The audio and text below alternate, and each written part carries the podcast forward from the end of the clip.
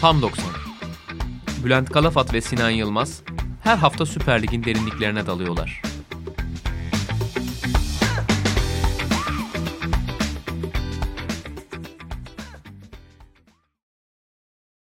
Sokrates Podcast'ten hepinize merhabalar. Tam 90'ın yeni bölümüyle sizlerleyiz. Sinan Yılmaz'la her hafta olduğu gibi oyuncu, takım ve teknik direktör e, dosyalarımıza devam ediyoruz. Geçen hafta e, bu bölümün konusunun Başakşehir olacağını, Emre Belözoğlu olacağını söylemiştik.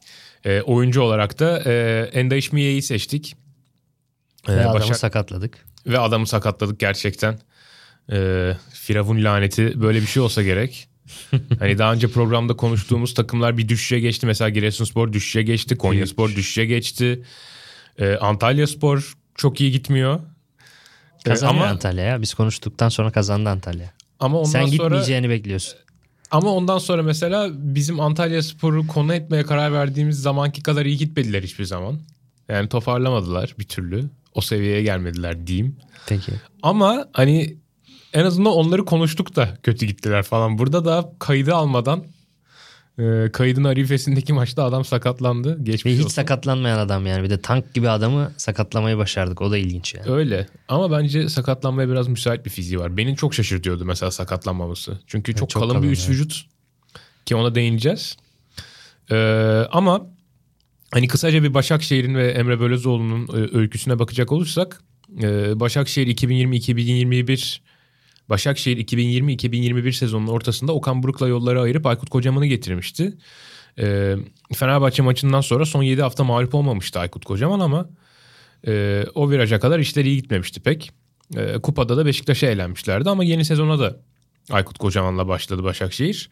8 maçta 6 tane mağlubiyet alınca e, Ekim başında yollar ayrıldı ve Emre Belezoğlu geldi takımın başına. E, aslında Aykut Kocaman dönemindeki 8 maçta e, gol beklentisi verilerine bakacak olursak Başakşehir'in çok şanssız bir süreçten geçtiğini söyleyebiliyorduk. Çünkü çok ciddi bir e, her maç e, XG farkı atıyorlardı rakiplerine ama bir türlü gol atamıyorlardı. E, fakat öyle ya da böyle Emre Belözoğlu geldikten sonra takım çok ciddi bir ivme yakaladı, ivmelenme yakaladı. 10 maçta 8 galibiyet. E, ardından bir 4 maçlık duraklama dönemi. 2, 2 mağlubiyet aldılar, 2 de beraberlik. E, fakat son 4 maçta tekrar 4 galibiyet aldılar. Sonuncusu dün akşam alınan Konya Spor galibiyeti olmak üzere. Bugün 23 Şubat onu da hatırlatalım. 22 ee, Şubat'ta erteleme maçını oynamışlardı. Ee, Ahmet Çıllık'ın ölümü nedeniyle ertelenen maçı oynadılar Konya Spor'la. netice kelam 26 Şubat'ta Karagümrük'ü yenerse Başakşehir ligde ikinci kez 5'te 5 yapmış ilk takım olacaklar. Daha önce 5'te 5 yapan Kasımpaşa ve Trabzonspor vardı Başakşehir'le beraber. Bakalım bu başarılarını tekrar Şunu edebilecekler Şunu da söyleyelim mi? tabii ki. Aykut Kocaman evet şanssız maçlar geçirdi. Ama Emre Belezoğlu oyun kalitesi olarak da Başakşehir'i ciddi anlamda iyileştirdi. Tıpkı bunu geçen sezon Fenerbahçe'de de Erol Bulut üzerine geldikten sonra da yapmıştı.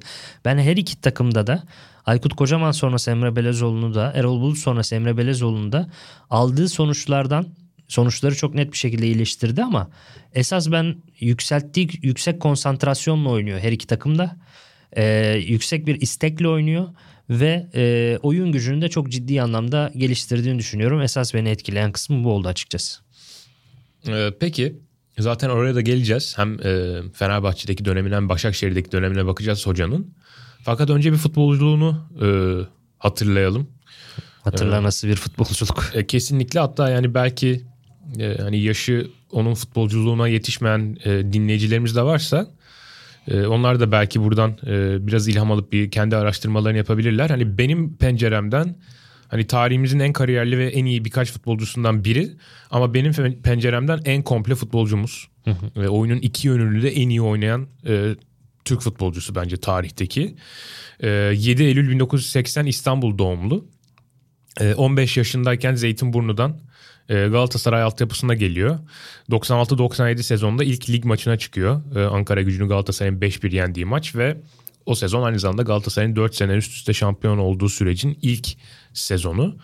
E, o sezonun sonuna doğru Emre ile ilgili ciddi bir beklenti vardı. Basına yansıyordu bu. İşte Emre geliyor, Emre geliyor gibilerinden Galatasaray altyapısından müthiş bir yetenek geliyor gibi haberler çıkıyordu. Hatta ben İşte bizim e, benim ailem Milliyet gazetesi alıyordu o sıralar.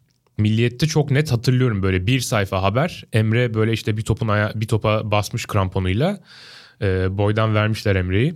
Ve e, işte Hacı'yı ne kadar e, Hacı ile beraber işte idman yapmanın onu ne kadar heyecanlandırdığından bahsediyordu falan. Ayakkabılarımı bile Hacı'nın bana öğrettiği gibi bağlıyorum gibi bir demeci vardı.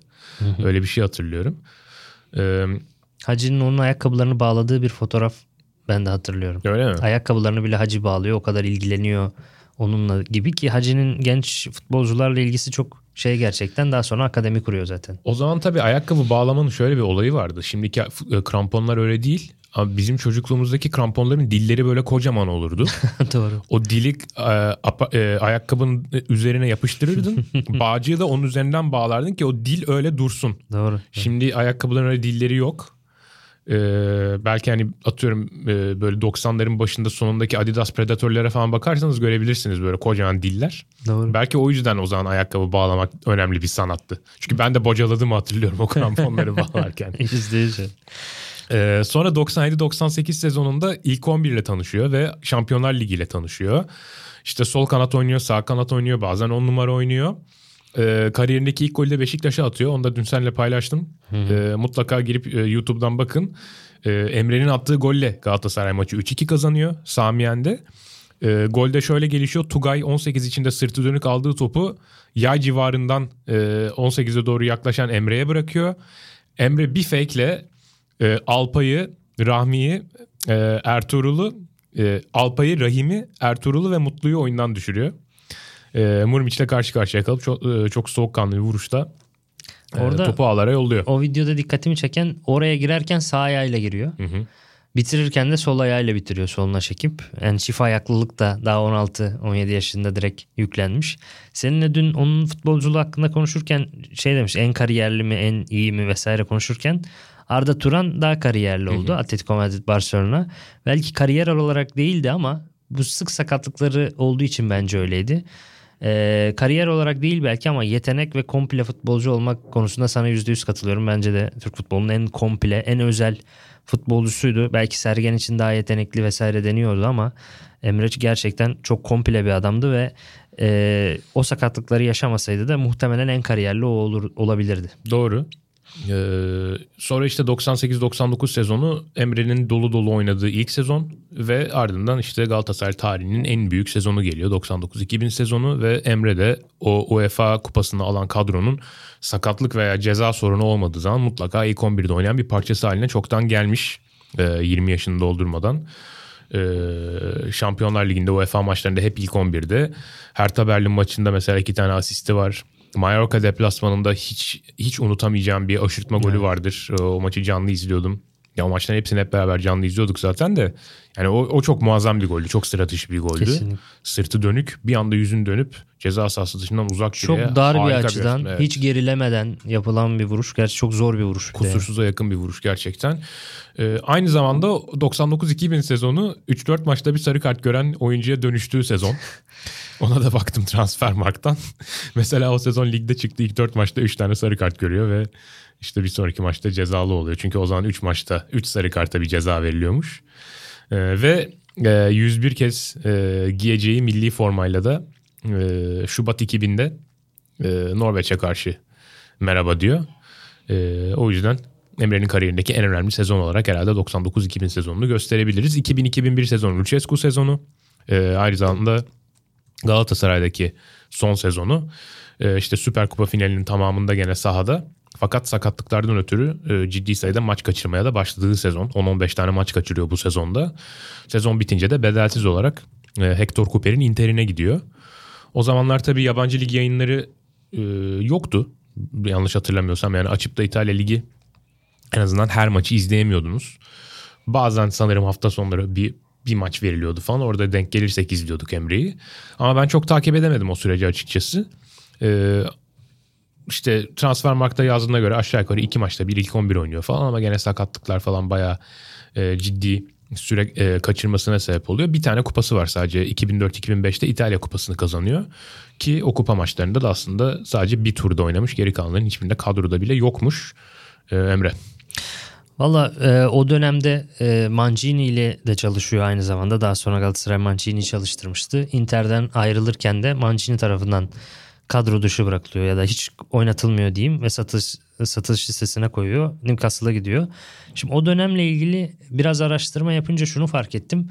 Mancini ilk etapta Emre Belezoğlu'nu aslında oynatmış. Yani ilk 5 maçında 4 kez falan oynatmış. Ya sonradan oyunu almış ya ilk 11 başlatmış. Ama ondan sonra ilişkileri pek iyi gitmemiş. Başlangıçta süre verse de. 2004'te verdiği bir röportajda e, Mancini onun için şey demiş. Emre Belezoğlu çok yetenekli bir oyuncu. Her şeyi yapabiliyor hava topları hariç demiş. Oyundan ötürü. e, onun dışında da e, bir takım iddialar Türk basınında çıkıyor. 2014 yılında Mancini Galatasaray'a imza attığı ve Galatasaray teknik direktörü olduğu dönemde Emre Belezoğlu da Fenerbahçe futbolcusu. Hı hı. O dönemde iki farklı haber e, hatırlıyorum. E, bir tanesi şu. Mancini Inter'i çalıştırdığı dönemde Emre Belezoğlu Rovaşata çalışması yapıyor idmanlardan sonra da. Mancini diyor ki sen niye Rovaşata çalışıyorsun? O boyla gideceksin ceza sahasında Rovaşata pozisyonu gelecek mi? Yani sakatlayacaksın kendini diyor ve e, Emre Belezoğlu da Mancini'ye rağmen e, Rovaşata çalışmaya devam ettiği için kadro dışı bırakılıyor diye bir şey hatırlıyorum. Şimdi dün tekrar araştırdım. Başka bir modeli de var bu haberin. Di- diğer model şöyle. E, Emre Rovaşata çalışırken sakatlanıyor. Sakatlanınca da Mancini çok sinirlenip kadro dışı bırakıyor. Daha sonra da takım otobüsünde 18 maç oynatmadığı şeye Emre'ye karşı Emre sinirlenip e, bir tartışma yaşıyorlar. Emre sinirlenip üstüne yürüyor. Mancini de kendisini otobüsten attırıyor. E, takımla gelemiyorsun diye. Böyle de bir haber çıkmış 2014 yılında. Farklı bir modeli haberin. E, ama Emre Belezoğlu bu habere e, yalanlama geçmiş ve hala Mancini ile aralarının iyi olduğunu, bunların doğru olmadığını, e, bir algı operasyonu olduğunu söylemiş kendisi. E, haberlerin doğruluğunu bilmiyorum ya da ne derece doğru ne derece çarpıtılmış onları tabii ki bilemiyoruz ama e, en nihayetinde Roberto Mancini tarafından e, kadro dışı bırakıldığı, uzun süre oynatılmadığı ve en sonunda da sözleşmesinin bitimine bir yıl kala Newcastle United'a satıldığını e, biliyoruz. 2005-2006 ee, sezonunda e, Newcastle'ın futbolcusu oluyor. 5 milyon euro e, bedelle transfer oluyor İngiliz ekibine. Orada ligi 7. 13. ve 12. sıralarda bitiriyorlar sıra e, sırayla. Ve hani yerel ve uluslararası kupalarda pek son turlara kalamıyorlar. İşte hep ikinci, üçüncü, dördüncü turlarda falan elenen bir takım Newcastle. Yine de 3 ee, sezonda 80 maça falan çıkıyor Emre. Devamlılık sağlamayı başarıyor bir şekilde ve çoğunlukla da ilk 11'de. Ee, ama e, İngiltere'de geçirdiği dönemde de işte kariyerinin sonuna kadar devam edecek olan kasık ve baldır sakatlıkları başlıyor. Özellikle kasık sakatlıklarından çok çeken bir oyuncu oluyor hep Emre. Ee, bunlar da burada başlıyor. Daha sonra da Türkiye'ye geliyor. Türkiye'ye gelişi tabii ki çok çalkantılı. Hala süren Galatasaray ile Fenerbahçe arasında ciddi bir e, gerginlik ve daha ziyade Galatasaray taraftarı ile Emre Belezoğlu arasında işte bizi sattın yok Fener'e gittin hikayesi tezahüratlar o şekilde devam ediyor. Fenerbahçe'ye geldiğinde Zico ile Fenerbahçe ayrılmış. Luis Aragonesi Avrupa şampiyonu Luis Aragonesi takım başına getiren Aziz Yıldırım var ve Emre Belezoğlu da o büyük e, hamlelerden bir tanesi. Daniel Guiza da aynı şekilde 14 milyon euroya Daniel Guiza'yı da e, transfer etmişti. O da La Liga gol kralı. Yani inanılmaz gerçekten e, isimler. E, 12-13 yıl önce pardon 14 yıl önce işler bayağı farklı. Ee, yani La Liga gol kralını Avrupa şampiyonusu hocayı falan getirebiliyorsun. 15 milyon eurolar bonservisler geliyor falan. Çok Böyle ek, bir dönemde var. Ekstra durumlar. E, işin ilginç yanı aslında bir önceki sezon şampiyon olan Galatasaray. Yani e, Şampiyonlar Ligi'ne gidecek olan takım Galatasaray.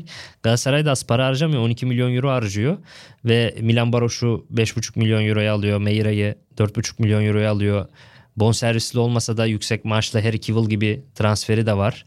E, bu transferleri yaparken e, şöyle bir durum var. E, tabii bunlar ne kadar resmi ne kadar söylenti bilmiyorum ama Galatasaray yönetiminin Adnan Polat yönetimi o zaman Emre Belezoğlu'nu düşünmediği, istemediği yönünde e, haberler çıkıyor. Emre Belezoğlu da Galatasaray kendisini öncelikli olarak istemediği için ve Aziz Yıldırım da çok iyi bir teklif yaptığı için Fenerbahçe'ye gittiği söyleniyor. Eğer böyleyse ben Emre Belezoğlu'na çok da Galatasaray tarafından tepki gösterecek bir durum olduğunu düşünmüyorum. Galatasaray istememişse E, yapacak bir şey yok. Ama Galatasaray neden istemiyor onu anlamadım.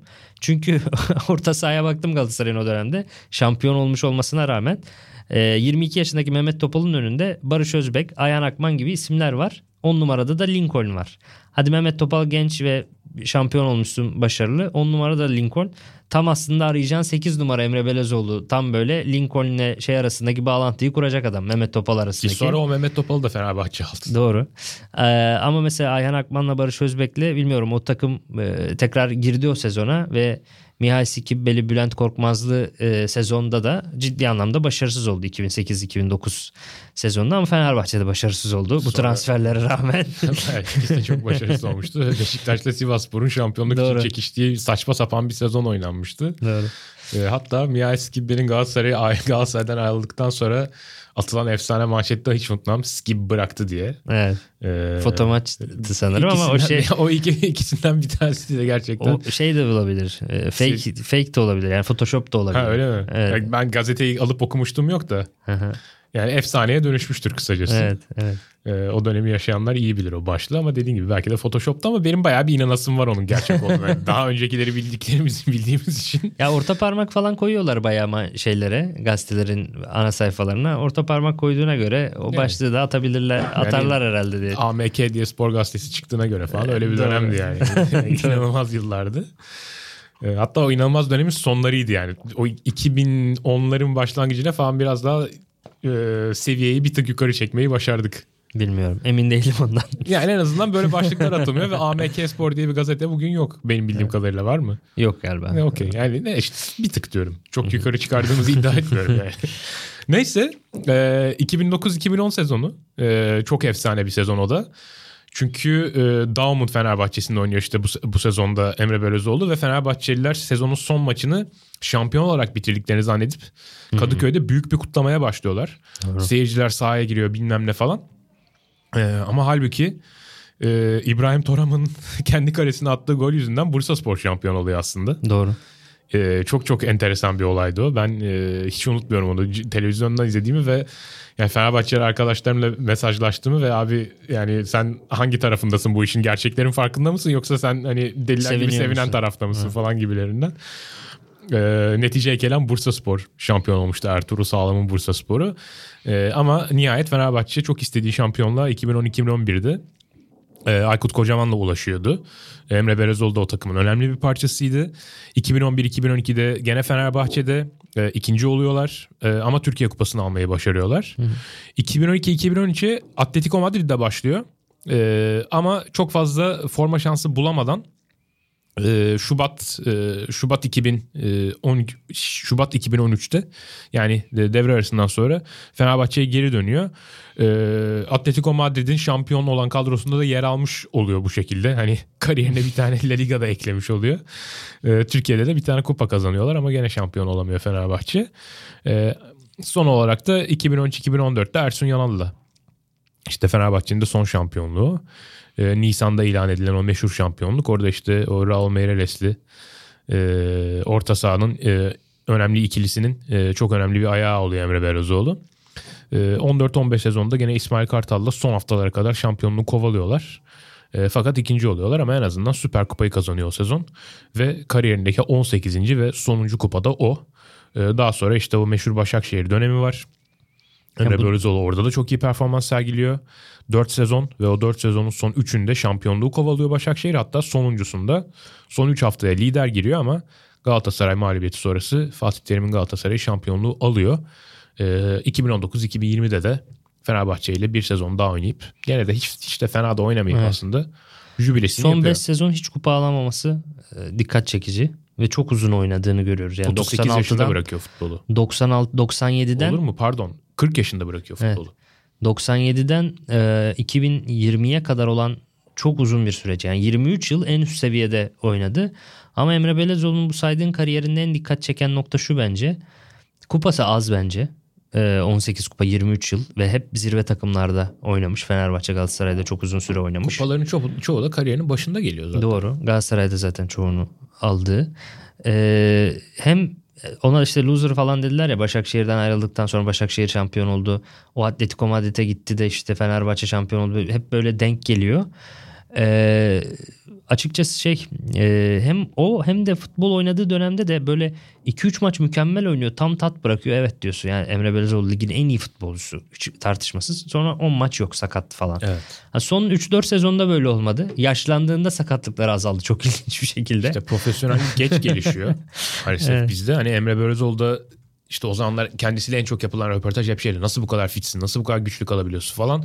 İşte çok çalıştığını böyle kalabilmek için. işte sürekli pilates yaptığını, özel hoca tuttuğunu falan söylüyordu. Ama işte bunları 35 yaşında başlamıştı Emre. Evet. Acaba bunları 25 yaşına başlasaydı Emre'nin nasıl bir kariyeri olurdu? Evet Onu onu ancak hayal edebiliyoruz maalesef. maalesef. Ee, o bakımdan da işte Sergen Yalçın'a biraz benziyor ama en azından e, gitti orada bir şeyler yaptı etti. Yani Sergen Yalçın gibi bütün kariyerini Türkiye'de geçirmedi. En Tabii azından ki. bir Avrupa'ya gidip e, iyi kötü bir iz bırakmayı başardı. E, dilersen buradan da hani sportif direktör, teknik direktör Emre Belözoğlu'na biraz geçelim. E, 2020-2021 sezonunun başında e, Ağustos-Ekim arasındaki o transfer sürecini yönetti. 2021 sezonu tabii geç başlamıştı biraz. Bir, bir önceki sezon pandemi yüzünden geç bittiği için. E, ve işte Erol Bulut'un e, Fenerbahçe'nin teknik direktörü olmasına vesile olan işte Samatta gibi, Lemos gibi, Sosa gibi, Novak gibi e, çok e, ses getiren transferlere imza atan ekibin bir parçasıydı. Ama resmi titli yoktu. Evet. Ee, işte bu da Türk futbolunda çok rastladığımız bir şey. Şu anda Galatasaray'da görüyoruz. Mesela hoca geliyor. iki hafta sonra Luis Campos açıklanıyor. Luis Campos'tan bir hafta sonra işte sportif direktör Sensibili açıklanıyor ama o zaman niye Torrent'i sen getirdin falan gibi. Burada da işte transferler yapılıyor ediliyor. Ondan sonra aa, bir bakıyorsun Ekim sonunda Ali Koç diyor ki Emre Belözoğlu bizim sportif direktörümüz. Ee, aslında zaten defakto olarak 2-3 aydır o Tabii. vazifeyi yerine getiriyordu. Ee, Erol Bulut 30. maçtan sonra e, gönderildi Fenerbahçe'den ki yani bunun bir Emre Belözoğlu kararı olduğunu söyleyebiliriz. En azından önemli bir payı olduğunu söyleyebiliriz Emre Belözoğlu'nun bu kararın alınmasında. 5 maç e, şey 5 puan e, arkasındaydı e, lider Beşiktaş'ın Erol Bulut kovulduğu zaman. E, Emre Belözoğlu takımın başına geçti Erol Bulut'tan sonra. Onlar da 10 maçta 7 galibiyet, 2 beraberlik, bir mağlubiyet alarak o aldıkları tek mağlubiyet e, yüzünden de şampiyonluğu kaçırmış oldular aslında. Sivas'a yenilmeseler şampiyon olacaklardı. Sezon bittikten iki hafta sonra da Fenerbahçe'den ayrıldığını açıklayan bir mesaj yayınladı. işte başkana ve kulübe çok teşekkür ederek.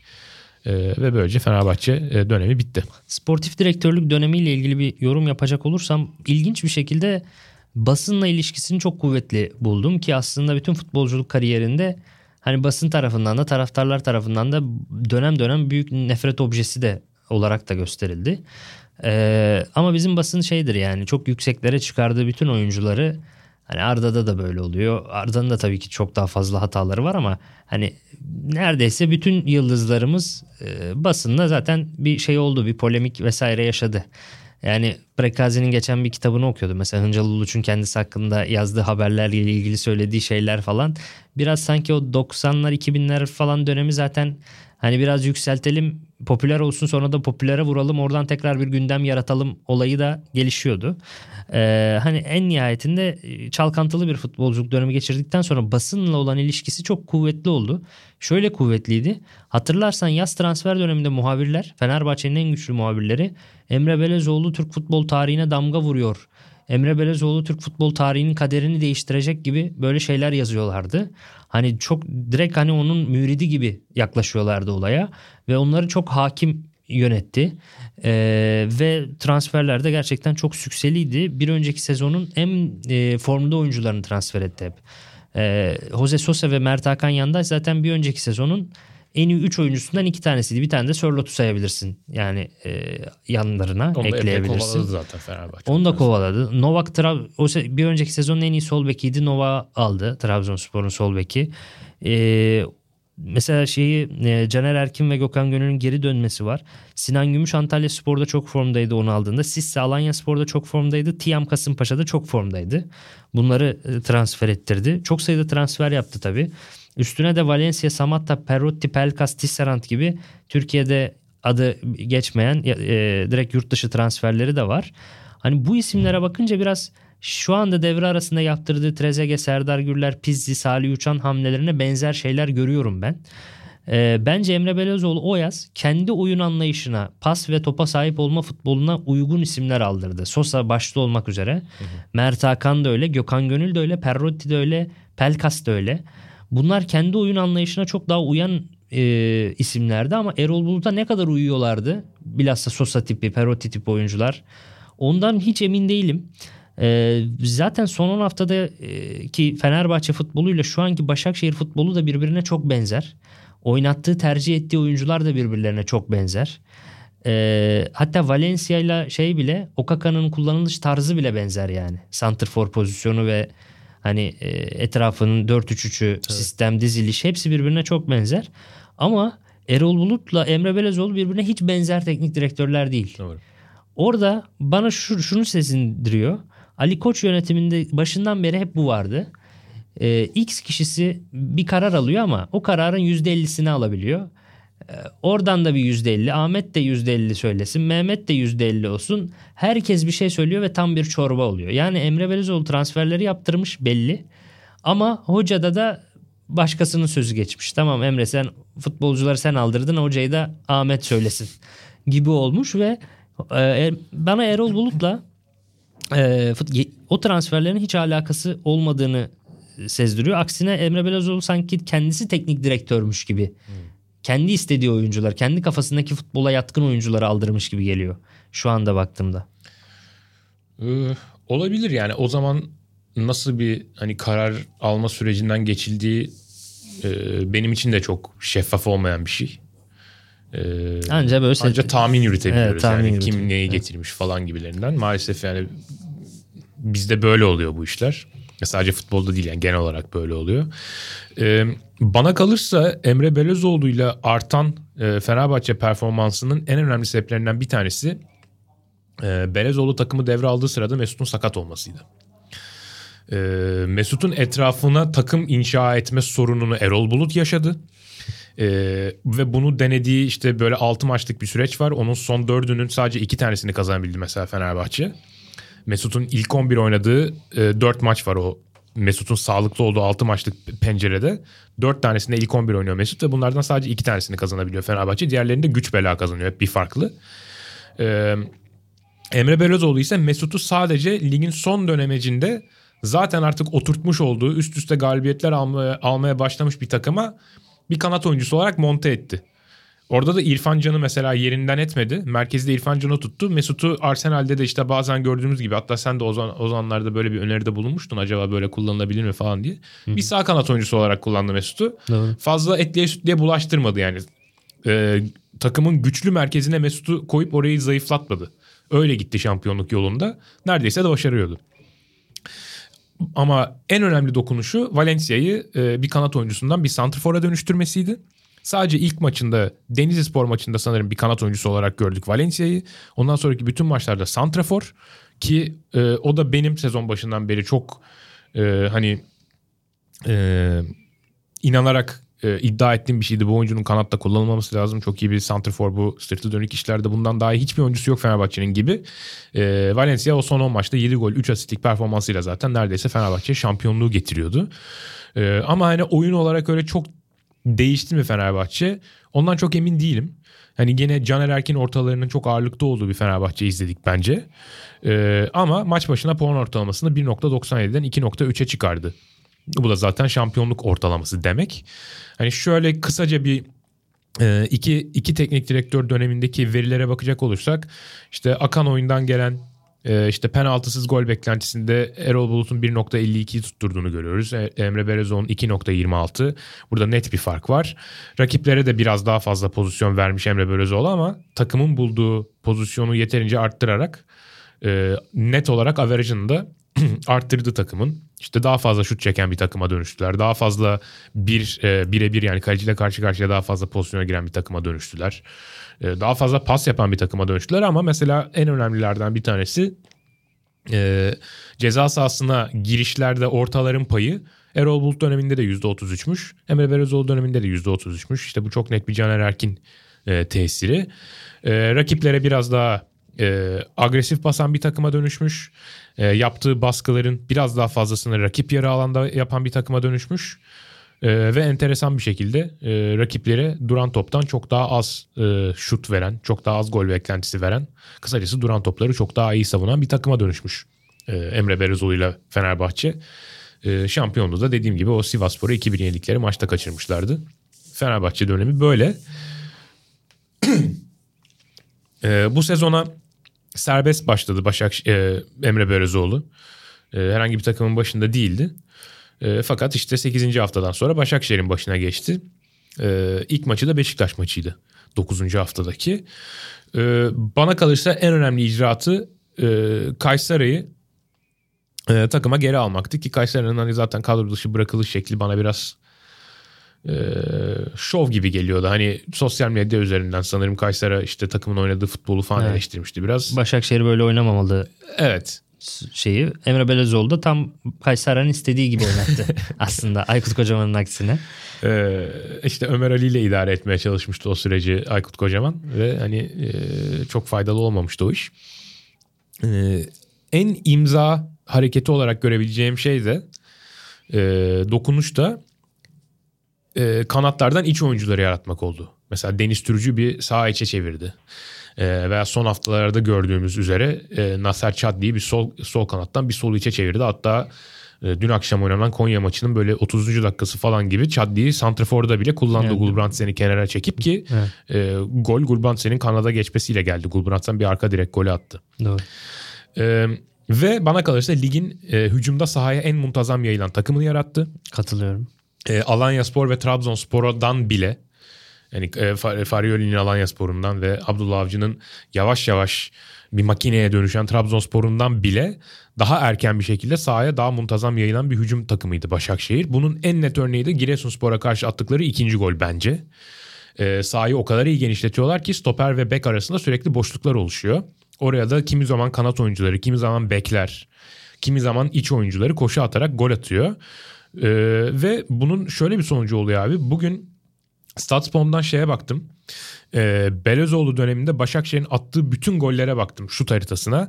Neredeyse hepsi 6 pasın önündeki o 6 pas önüyle ceza sahasının girişi arasındaki bölgeden.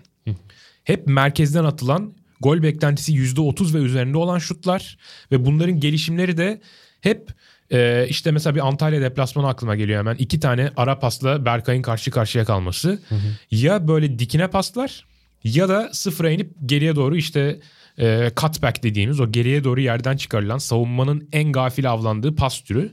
Hep böyle atıyorlar gollerini. E, bu da e, çok kuvvetli bir hücum organizasyonuna işaret. Hani beni üzen hadise şu oldu Belezoğlu döneminde. Ravil Tagir hiç kullanılmadı. Ee, çok fazla yaşlı oyuncu tercih etti. Ee, sadece işte o 4-2 Bodrumspor'a elendikleri kupa maçının ilk devresinde oynattı Ravil Tagir'i. E, hatta işte dün akşam oynanan maçta Konya Konya maçında 20. dakikasında Endaişmi'ye sakatlandıktan sonra mesela oyuna Epuriano'yu aldı ki Ravil Tagir de şeydeydi yani yedek kulübesindeydi. E, ki Epuriano'nun e, yedikleri golde çok büyük bir hatası söz konusuydu. İşte Duarte, Endaişmiye ve Berkay dışında e, düzenli forma giyen oyuncuların hemen hemen hepsi 28 yaşının üzerinde hatta çoğu 30 yaşının üzerinde.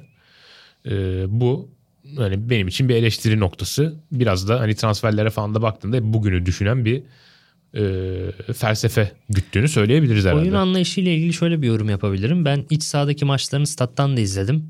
Mesela Sivas maçını stat'tan izlemiştim. Bir iki maçı daha izledim. Belki bu hafta sonu gene giderim. Karagümrük'le oynayacaklar e, iç sahada net üstün oynadıkları maçlarda şimdi tabii ki çizgilere kanatlarını bastırmak ve oyunu genişletmek her teknik direktörün isteyeceği bir şeydir zaten. Çünkü sonuçta rakip savunma da seninle birlikte açılıyor. Açıldıkça da back stoper araları ve stoperlerin iki stoperin arasında net boşluklar bulabiliyorsun. Bu güzel herkesin yapmak isteyeceği bir şey ama bunu yaptığın takdirde e, topu kanatlara aktarmadan top kaybı yaparsan iki kanadın oyun dışında kalıyor ve kontra atak yeme ihtimalin çok artıyor. Eğer geniş oynananın dar oynayan rakiplere karşı e, net bir kontra atak yeme şeyi var. E, handikabı var. Emre Belezoğlu'nun bence yaptığı en önemli şey oyuncular üzerindeki tahakkümü çok yüksek. Oyuncular herhalde bu Fatih Terim'in gençliğinde görmüştüm sadece bu kadar. Oyuncuların bu kadar ağzının içine baktığı ve bu kadar saygı duyup da üzerinde titrediği gördüğüm bir numaralı teknik direktör yakın dönemde ve e, bunu stat'tan canlı izlediğin zaman çok daha net fark ediyorsun. Emre Belözoğlu çok dominant, çok aktif. sürekli kenardan direktiflerle oyuncularla birlikte oynuyor ve herkesin bunu başka teknik direktörler de yapar ama bazen futbolcular bakmaz o tarafa. Herkes Emre Belözoğlu bağırdığında bir şey söylediğinde herkes kafasını çevirip Emre Belözoğlu'na bakıyor. Ne demek istiyor, ne diyor. Bunun mesela çok net örneklerinden bir tanesini Rize deplasmanında Rize Spor'un teknik direktörlerinin olmadığı taraftan kullandığı bir taçta görmek mümkün. Ee, böyle 25. dakika falan abi. Ee, Başakşehir savunması e, tacın kullanıldığı taraftan Rize Spor'un oyunu açtığı tarafa kaymakta geç kalınca çıldırıyor Emre Berezoğlu kenarda. Hı hı. İşte nasıl böyle taç savunması yaparsınız bana doğru geleceksiniz falan. O sırada bir tane hatta ekran görüntüsü falan da aldım. 4-5 tane Başakşehirli oyuncu bildiğin maçı bırak, bırakmışlar ve Emre Berezoğlu'na bakıyorlar. Bu adam ne diyor falan. Biz ne yaptık böyle azar işitmek için falan gibilerinden. Ee, gerçekten karizması çok yüksek. Oyuncular üzerinde çok e, hakim bir oyuncu. O genişletmeden şey, kontra atak yememe sebepleri de o. Yani genişleyen çizgiye basan oyuncu topları kaybettiği anda hemen merkeze doluşmak zorunda. E, net bir disiplin ve hakimiyet kurmuş. Bu kadar ufak tefek bir adamın bu kadar adamları, insanları etkileyebilmesi, futbolcuların etkileyebilmesi de e, çok şey. Ama futbolculuğu da öyleydi. Futbolculuğu da yani öyle. Sahada çok dominant bir karakterdi. Hem evet. rakipler hem de kendi takımı üzerinde e, çok net bir aurası vardı yani Emre evet. Berezoğlu. Ya ben şeyi hatırlıyorum. Hatta hakemler Başakşehir, ve e, seyircileri de dahil edebiliriz. Başakşehir'in şampiyonluğu kaybettiği Galatasaray kaybettiği dönem var ya ondan 3-4 şey önce o Çaykur Rizespor coşuyor. Vedat Muriç'in falan Okan Buruk'un Çaykur Rizespor coştu. Abdullah Avcı'nın da işte Başakşehir'in de kaptan Emre Belezoğlu. Attamah bir top kaybetti. Attamah biliyorsun işte canavar adam yani. Attamah bir top kaybetti. Emre onu öyle bir bağırdı ki adam yerin dibine hiç sesini çıkaramadı ve yerin dibine gir, girecekti yani. Hiç cevap veremedi ki 3 katı falan yani Attamah Emre Belezoğlu'nun. Ama e, bu şeyi var. E, bu disiplin ve aurası var dediğin gibi ve bence oyuncularına da çok net tesir ediyor. Hatta az önce söyledin ya duran toptan gol yiyememişler ilginç bir şekilde. Emre Erol Bulut dönemine göre bile daha az XG vermişler diye. Onun da bu konsantrasyonla bence Emre Belezoğlu'nun bir numaralı alameti farikası takımının çok yüksek konsantrasyonla oynamasını sağlıyor. O disiplin ve baskı yani sayesinde. Türk futbolundaki açık ara en büyük eksik bence. Doğru.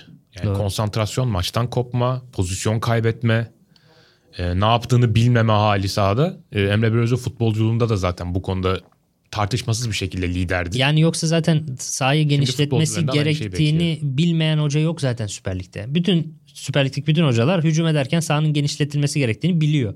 Uygulatabilmek evet. başka bir şey yani. Doğru. Ee, son olarak yani Başakşehir döneminde son maçlarda bir zaaf belirdi. Ee, özellikle Rize Spor maçında bu benim çok dikkatimi çekti. Dün akşamki Konya maçında da aynı şekilde e, bunu gözlemledim. Yarım alan savunmasında bir sorun var abi takımda. Ee, rakipler hem pasla hem de top sürerek e, Başakşehir yarı sahasına sağ ve sol yarım alanlardan çok rahat giriyorlar. Burada tabii e, savunmada takımın çok net bir şekilde görebileceğimiz 4-1-4-1 şeklinde dizilmesinin bir payı var. Çünkü o orta blok e, iki yana doğru iki taç çizgisine doğru o orta bloğun savunması tamamen Tolga'ya kalıyor. Şimdi Tolga güçlü dinamik bir futbolcu falan ama işte bir Joseph değil. Ee, çok zor bir şey. O yani bence modern futboldaki en zor mevki abi o. Ee, dominant bir takımın savunma önündeki tek altı numara olmak. İmkansıza yakın bir şey yani o, o işi kusursuz yapmak. Tolga da e, elinden geleni yapmasına rağmen bocalıyor orada. E, mesela bunun çok net bir örneği e, Hasan Ali Kaldırım'ın sarı kart gördüğü pozisyon abi. Sanırım şey Musa Çağran dikine bir pas oynayacak. Chadli mesela mevkisini terk edip şey Berkay mevkisini terk edip Chadli şeye doğru çıkıyor. Musa'ya doğru çıkıyor. Musa dikine pası oynadığı sırada arada o e, Berkay'ın çıkışından Musa'nın pası oynayışı arasında böyle bir 2-3 saniye var. Gulbrandsen görüyor abi ne olacağını. Çok belli orada ne olacağı. Gulbrandsen de hamle yapmıyor ve o top Başakşehir'in sol koridorundan dikine 20 metre gidiyor. Empoku ile buluşuyor. Orada ihale Hasan Ali'ye kalıyor. Savunma oyuncusu yani. Önünde bir e, hücum bir de kanat oyuncusu hamle yapmamış. İhale Hasan Ali'ye kalıyor. Geç kalıyor. Arkadan gelip sarı kart görüyor falan. Bu tarz şeyler Rize Spor maçında da çok vardı. Jetson Fernandez e, çok iyi değerlendirdi o koridorları. Sürekli ileri top sürerek falan. E, böyle bir zaafı var Başakşehir'in son zamanlarda ve hani bunun bir sebebi belki Berezoğlu'nun o kanat oyuncularından iç yaratması olabilir. E, bir sebebi. Çünkü çok ofansif bir dörtlü kullanıyor Tolga'nın önünde. İşte Berkay'ı, Çadlis'i, zaman zaman Deniz'i, iki tane çok hücuma yönelik kanadı. Ee, orada Tolga'ya binen yük biraz ağırlaşıyor. E, şu anda da sanki bunun biraz e, bedelini ödüyorlar gibi duruyor. Bunun başka bir sebebi de tabii stoperlerinin çok proaktif stoperler olmaması. İşte Epriano'dur, Duarte'dir, yani Değişmiye'dir. Biraz daha reaktif stoperler bunlar. Ki e, dilersen hani stoper savunma hattına gelmişken bölümümüzün diğer konusu olan e, en değişmeye de geçelim. E, evet. Burundili oyuncu Yusuf en değişmeye. Endiyeşme'ye çok ilginç bir hikaye hakikaten. 19-20 devre arasında e, Burundi'den transfer ediliyor. Yeni Malatyaspor onun gibi birçok ucuza isim getirdi. E, sanki böyle toplayıp getiriyor gibi oluyor. E, hatta e, şey diyeyim e, Futbol kitabı var. E, önermiş olayım şimdi toplayıp getiriyor deyince aklıma geldi. İzland Brezilyalı Brezilya futbolu üzerine ilginç hikayelerin anlatıldığı bir kitap ama gerçekten okuması çok keyifli e, bölüm bölüm. Ee, orada şeyi anlatıyor. İzlanda'da futbol oynanmaya başlanıyor. İz, İzlanda'dan bir uçak kaldırıp Brezilya'ya gidiyorlar. Oradan alt liglerden futbolcuları toplayıp İz, İzlanda ligine transfer ediyorlar. Arada futbolcu olmayan da geliyor falan böyle. Futbolcu olmayan da balıkçılık yapıyor. Burası güzelmiş abi. Gidip Brezilya'da sefil yaşayacağım ama burada kalayım diyor ve işte çok güzel bir kadınla evleniyor falan böyle. Çok garip hikayeleri var. O kitabı da önermiş olayım. Şimdi Yeni Malatya'nın Burundi'den topçu toplama işi de çok benzer bir şekilde. İçlerinden bir Yusuf Endiyeşmi'ye çok fark yarattı. Diğerlerinden bir şey olmadı ama Endiyeşmiye'den de e, çok ciddi kar ettiler. Ee, sadece 300 euroya ayda 300 euroya oynadığını 2020 yılında takımı çalıştıran Hikmet Karaman e, bir radyoda e, açıklamıştı ve e, bayağı da gündem olmuştu. 300 asgari ücretle oynuyordu yani kısacası. E, asgari ücretle Süper Lig'de oynayan başka bir direkt ilk 11 oynayan başka bir oyuncu olacağını hiç zannetmiyorum. Burundi'den geldiği için Yusuf kardeşim biraz e, kullanmışlar gibi geldi bana orada açıkçası. Öyle geliyor biraz. E, ama e, maç başı belki 5-10 bin galibiyet primi bilmem ne oralardan biraz toparlamıştır inşallah diye düşünüyorum o dönemini. E, o ilk başta 6 numarada oynuyor. İkili mücadele kazanma oranı hem havadan hem yerden bayağı etkileyiciydi. E, bayağı kalıplı bir oyuncu çünkü. Ve düşmemeye oynayan yeni Malatya Spor'da kesici 6 numara için bayağı ideal bir e, roldeydi. Sezona stoper başlamıştı aslında ama çok kısa sürede e, orta sahadaki performansın çok daha iyi olduğu ortaya çıktı. Sonra da öyle kaldı. Oraya hakim olabildiği için kesicilik ve güç kalıp olarak da e, zaten düşmemeye oynayan bir takıma da idealdi. Ama Başakşehir'e geldiği zaman stopere evrilmek zorunda kaldı. Çünkü Endiyeşmiye çok kalın bir oyuncu. E, fizik yapısı biraz e, şey e, hem ona ciddi avantajlar getiren hem de çok ciddi dezavantajlar getiren bir fiziği var. Doğru. Ve oyun kuran geriden stoperlerinden pas alan bir altı numaranın bu kadar kalın olması çok zor. Çünkü kendi ekseni etrafında dönüp rakip kaleye yüzünü dönmesi lazım. Endiyeşmiye'nin herhangi bir diğer futbolcuya göre dönüş hızı çok kalın olduğu için haliyle biraz geç olabiliyor. Ee, ve o yüzden de oyun kuran Başakşehir'de bir 6 numaradan hemen hızlıca stopere çevrildi. Hatta Emre Belezoğlu'nun sisteminde direkt stoperden ve şuna dikkat ediyorum kaleciden de öyle çok fazla sırtı dönük top almıyor. Yani çok fazla etrafında dönmeyecek şekilde oynamaya çalışıyor. Bir yandan bu fizik yapısı ve oyun tarzı da Beşiktaşlı Wellington'ı da andırıyor. Boyu çok uzun olmamasına rağmen çok kalın. O sayede çok güçlü ama e, aynı zamanda arkasına atılan toplarda dön, dönüş hızları biraz e, problemli gibi. Sert bir oyuncu. E, rakipleri de hep yüzü dönük olarak karşılamak istiyor. E, ayrıca ayağını da geliştirdiğini görüyoruz. Dikine paslar ve bilhassa driblinglerle top taşıması da onlar da biraz Wellington'ı andırıyor açıkçası. Ama Wellington'dan daha konsantre bence ve çok daha genç, gelişimi açık. E, ve Wellington kadar bireysel hata da yapmıyor. Doğru. E, zaten e, bu şekilde de bayağı iyi gidiyor. Ee, biraz verilerine baktım Statsbomb'dan. Çok enteresan e, çıkarımlar var.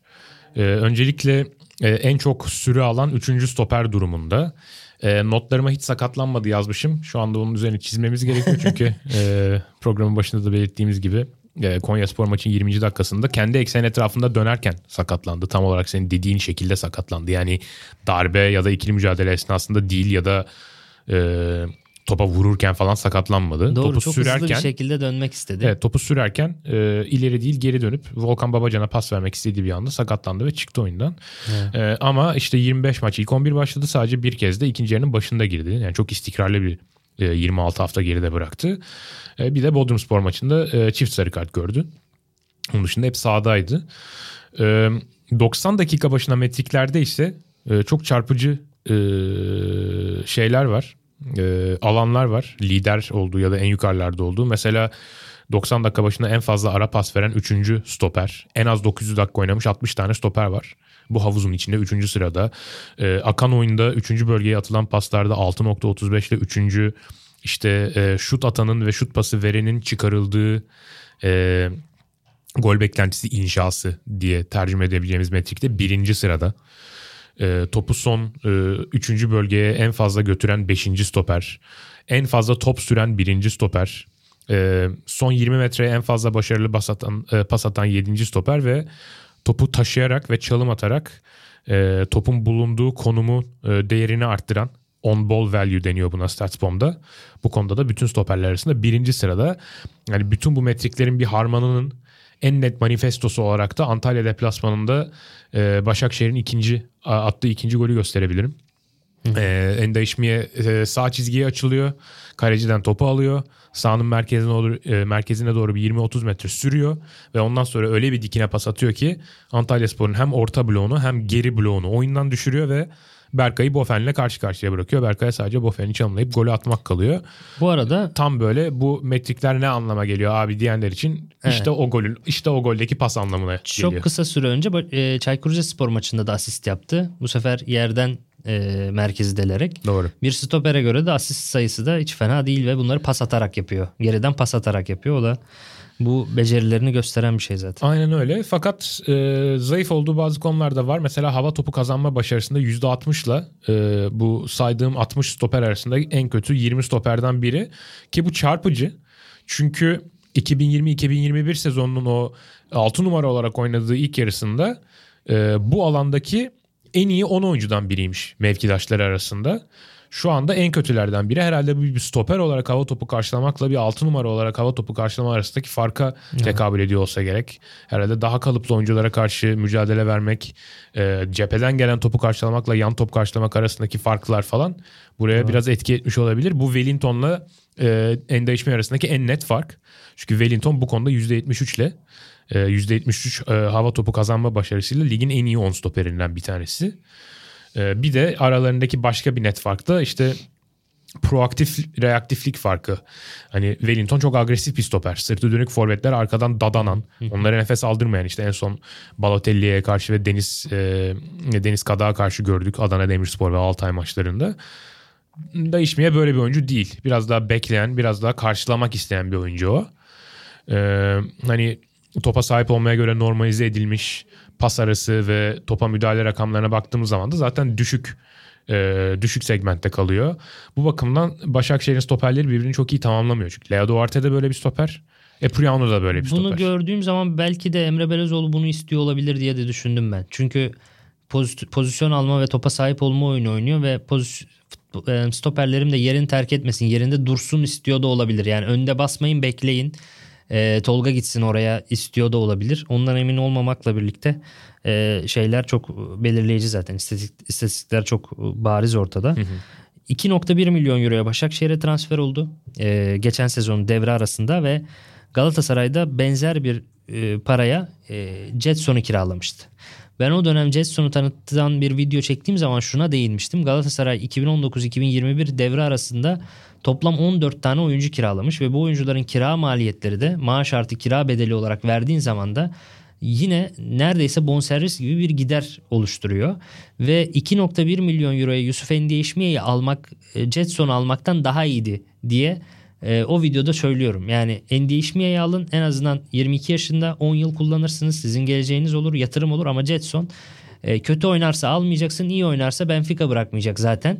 5 e, ay sonra gidecek e, demiştim ve o dönemde hatta e, Yusuf Endiyeşmi'ye bir hata yapmıştı. Başakşehir gol yedirmişti işte görüyorsun Jetson'la Endiyeşmi arasında çok büyük kalite farkı var gibi eleştiriler de almıştım.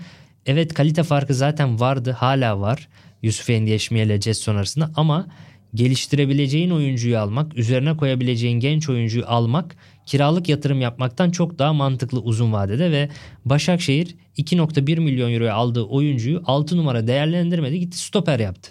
Stoper olarak değerlendirdi, stoper olarak geliştirdi, sistemine de uydurdu ve devre arasında çıkan haberlere göre 7.5 milyon euroluk bir teklif gelmiş. Yusuf Endiyeşmiye'ye. Ancak e, Başakşehir yönetimi henüz 23 yaşında olan stoper oyuncusunu 7,5 milyon euroya satmamış. Daha yüksek bir teklif beklediğini söylemiş. E, ve net yani şimdiden e, sadece bir yıl içerisinde e, verdiği parayı 3'e katlayan bir teklif almasına rağmen onu reddetme lüksüne e, sahip olabilmiş. Bu da aslında yani genç ve potansiyelli oyunculara yapılan yatırımın karşılığını nasıl aldığınızı bir kez daha gösteriyor. Ee, bana iki sebepten ötürü e, Endaişmiye üst düzey liglere biraz zor transfer olur gibi geliyor abi. Hı hı. Ee, birincisi yani birebir savunması özellikle geniş alanda çok zayıf. Ee, hani Antalya deplasmanda Doğukan'a karşı çok zorlandığını hatırlıyorum. Ee, işte İstanbul e, Galatasaray'la oynanan maçta e, Cagne'nin e, Kerem'in ona karşı birebir de çok üstün geldiği pozisyonlar vardı. Ee, bir sebebi bu. Ee, ki yani giderse de işte o liglerin büyük ihtimalle işte şampiyonla oynayan takımlarına gitmeyecek değişmeye o seviyede bir oyuncu değil çünkü. Ee, biraz daha böyle geniş alanda oynayan, biraz daha gittili geldili maçlar çıkaran bir takımda oynayacaktır büyük ihtimalle. Yani o futbola biraz daha fazla. demişler bu arada sanırım. İsteyen takımı 7,5 milyon euro. Ben de bir Fransız ekibi falan diye bir şey okumuştum. İşte hmm. o Fransız ekibi deyince bana çok inandırıcı gelmemişti. Diğer sebebi de şu abi. E, sen de değindin buna. Hani fiziği modern futbolda karşılığı olan bir fizik değil. Böyle hmm. futbolcu fiziği kalmadı. E, çok kalın, çok e, ağır şey değil, e, çevik değil. E, ve hani Konya karşısındaki sakatlığı biraz bununla ilgili gibi geldi bana. O yüzden beni çok şaşırtıyordu zaten. Bu kadar uzun süre hiç sakatlanmadan sürekli 90 dakika 90 dakika sürekli bir de mücadeleye falan dayalı bir hı hı. futbolu var. Ee, şaşırıyordum açıkçası ben yani bu oyuncunun sakatlanmamasına. Nihayet sakatlandı. Tabii ki istediğim bir şey değil. Kimsenin sakatlığını isteyecek halim yok ama yani ben Avrupalı bir takımın şeyi olsam e, böyle bir e, scoutu ya da işte sportif direktörü her neyse bu karar verici mercilerden bir tanesi olsam Endeşmi hakkında bayağı oturur düşünürdüm. Yani hmm. ikna almam biraz zor olurdu e, diye düşünüyorum. E, bakalım. Belki de Endeşmi'ye daha e, ince bir yapıya bürünür belki. Biraz kilo verir daha farklı bir kas e, yapısına bürünür falan. E, daha e, değişik bir oyuncuya dönüşür. Belki o zaman piyasası da artar ama şu haliyle bana zor geliyor gibi. E, göreceğiz kariyeri neye evrilecek umarım. E, umarız en kısa zamanda önce bir iyileşir de e, Başakşehir'de formasına Tabii. geri kavuşur. Burundi'den gelip 300 euroya oynayan bir çocuk için şu anda 7,5 milyon euro olması bile aslında inanılmaz Tabii. bir gelişim. Bundan sonra nereye gider? Umarız bu şekilde gelişmeye devam eder diyelim. Ee, öyle. Zaten iki sene içinde çok büyük bir rüyayı yaşamış oldu. Doğru. Ee, kendisini değiştirsin ve geliştirmeye devam etsin diyelim. Ee, ağzına sağlık. Senin de. Ee, ve sizlere çok teşekkür ederiz dinlediğiniz için. Bir sonraki bölümümüzün konusunu henüz belirlemedik. Ee, ama e, güzel bir konu bulacağımızdan emin olabilirsiniz. Aklımızda var bir şeyler. Ee, sizlerle bir hafta e, bir hafta sonra yeni bölümümüzde tekrar birlikte olacağız. Görüşmek üzere. Kendinize iyi bakın.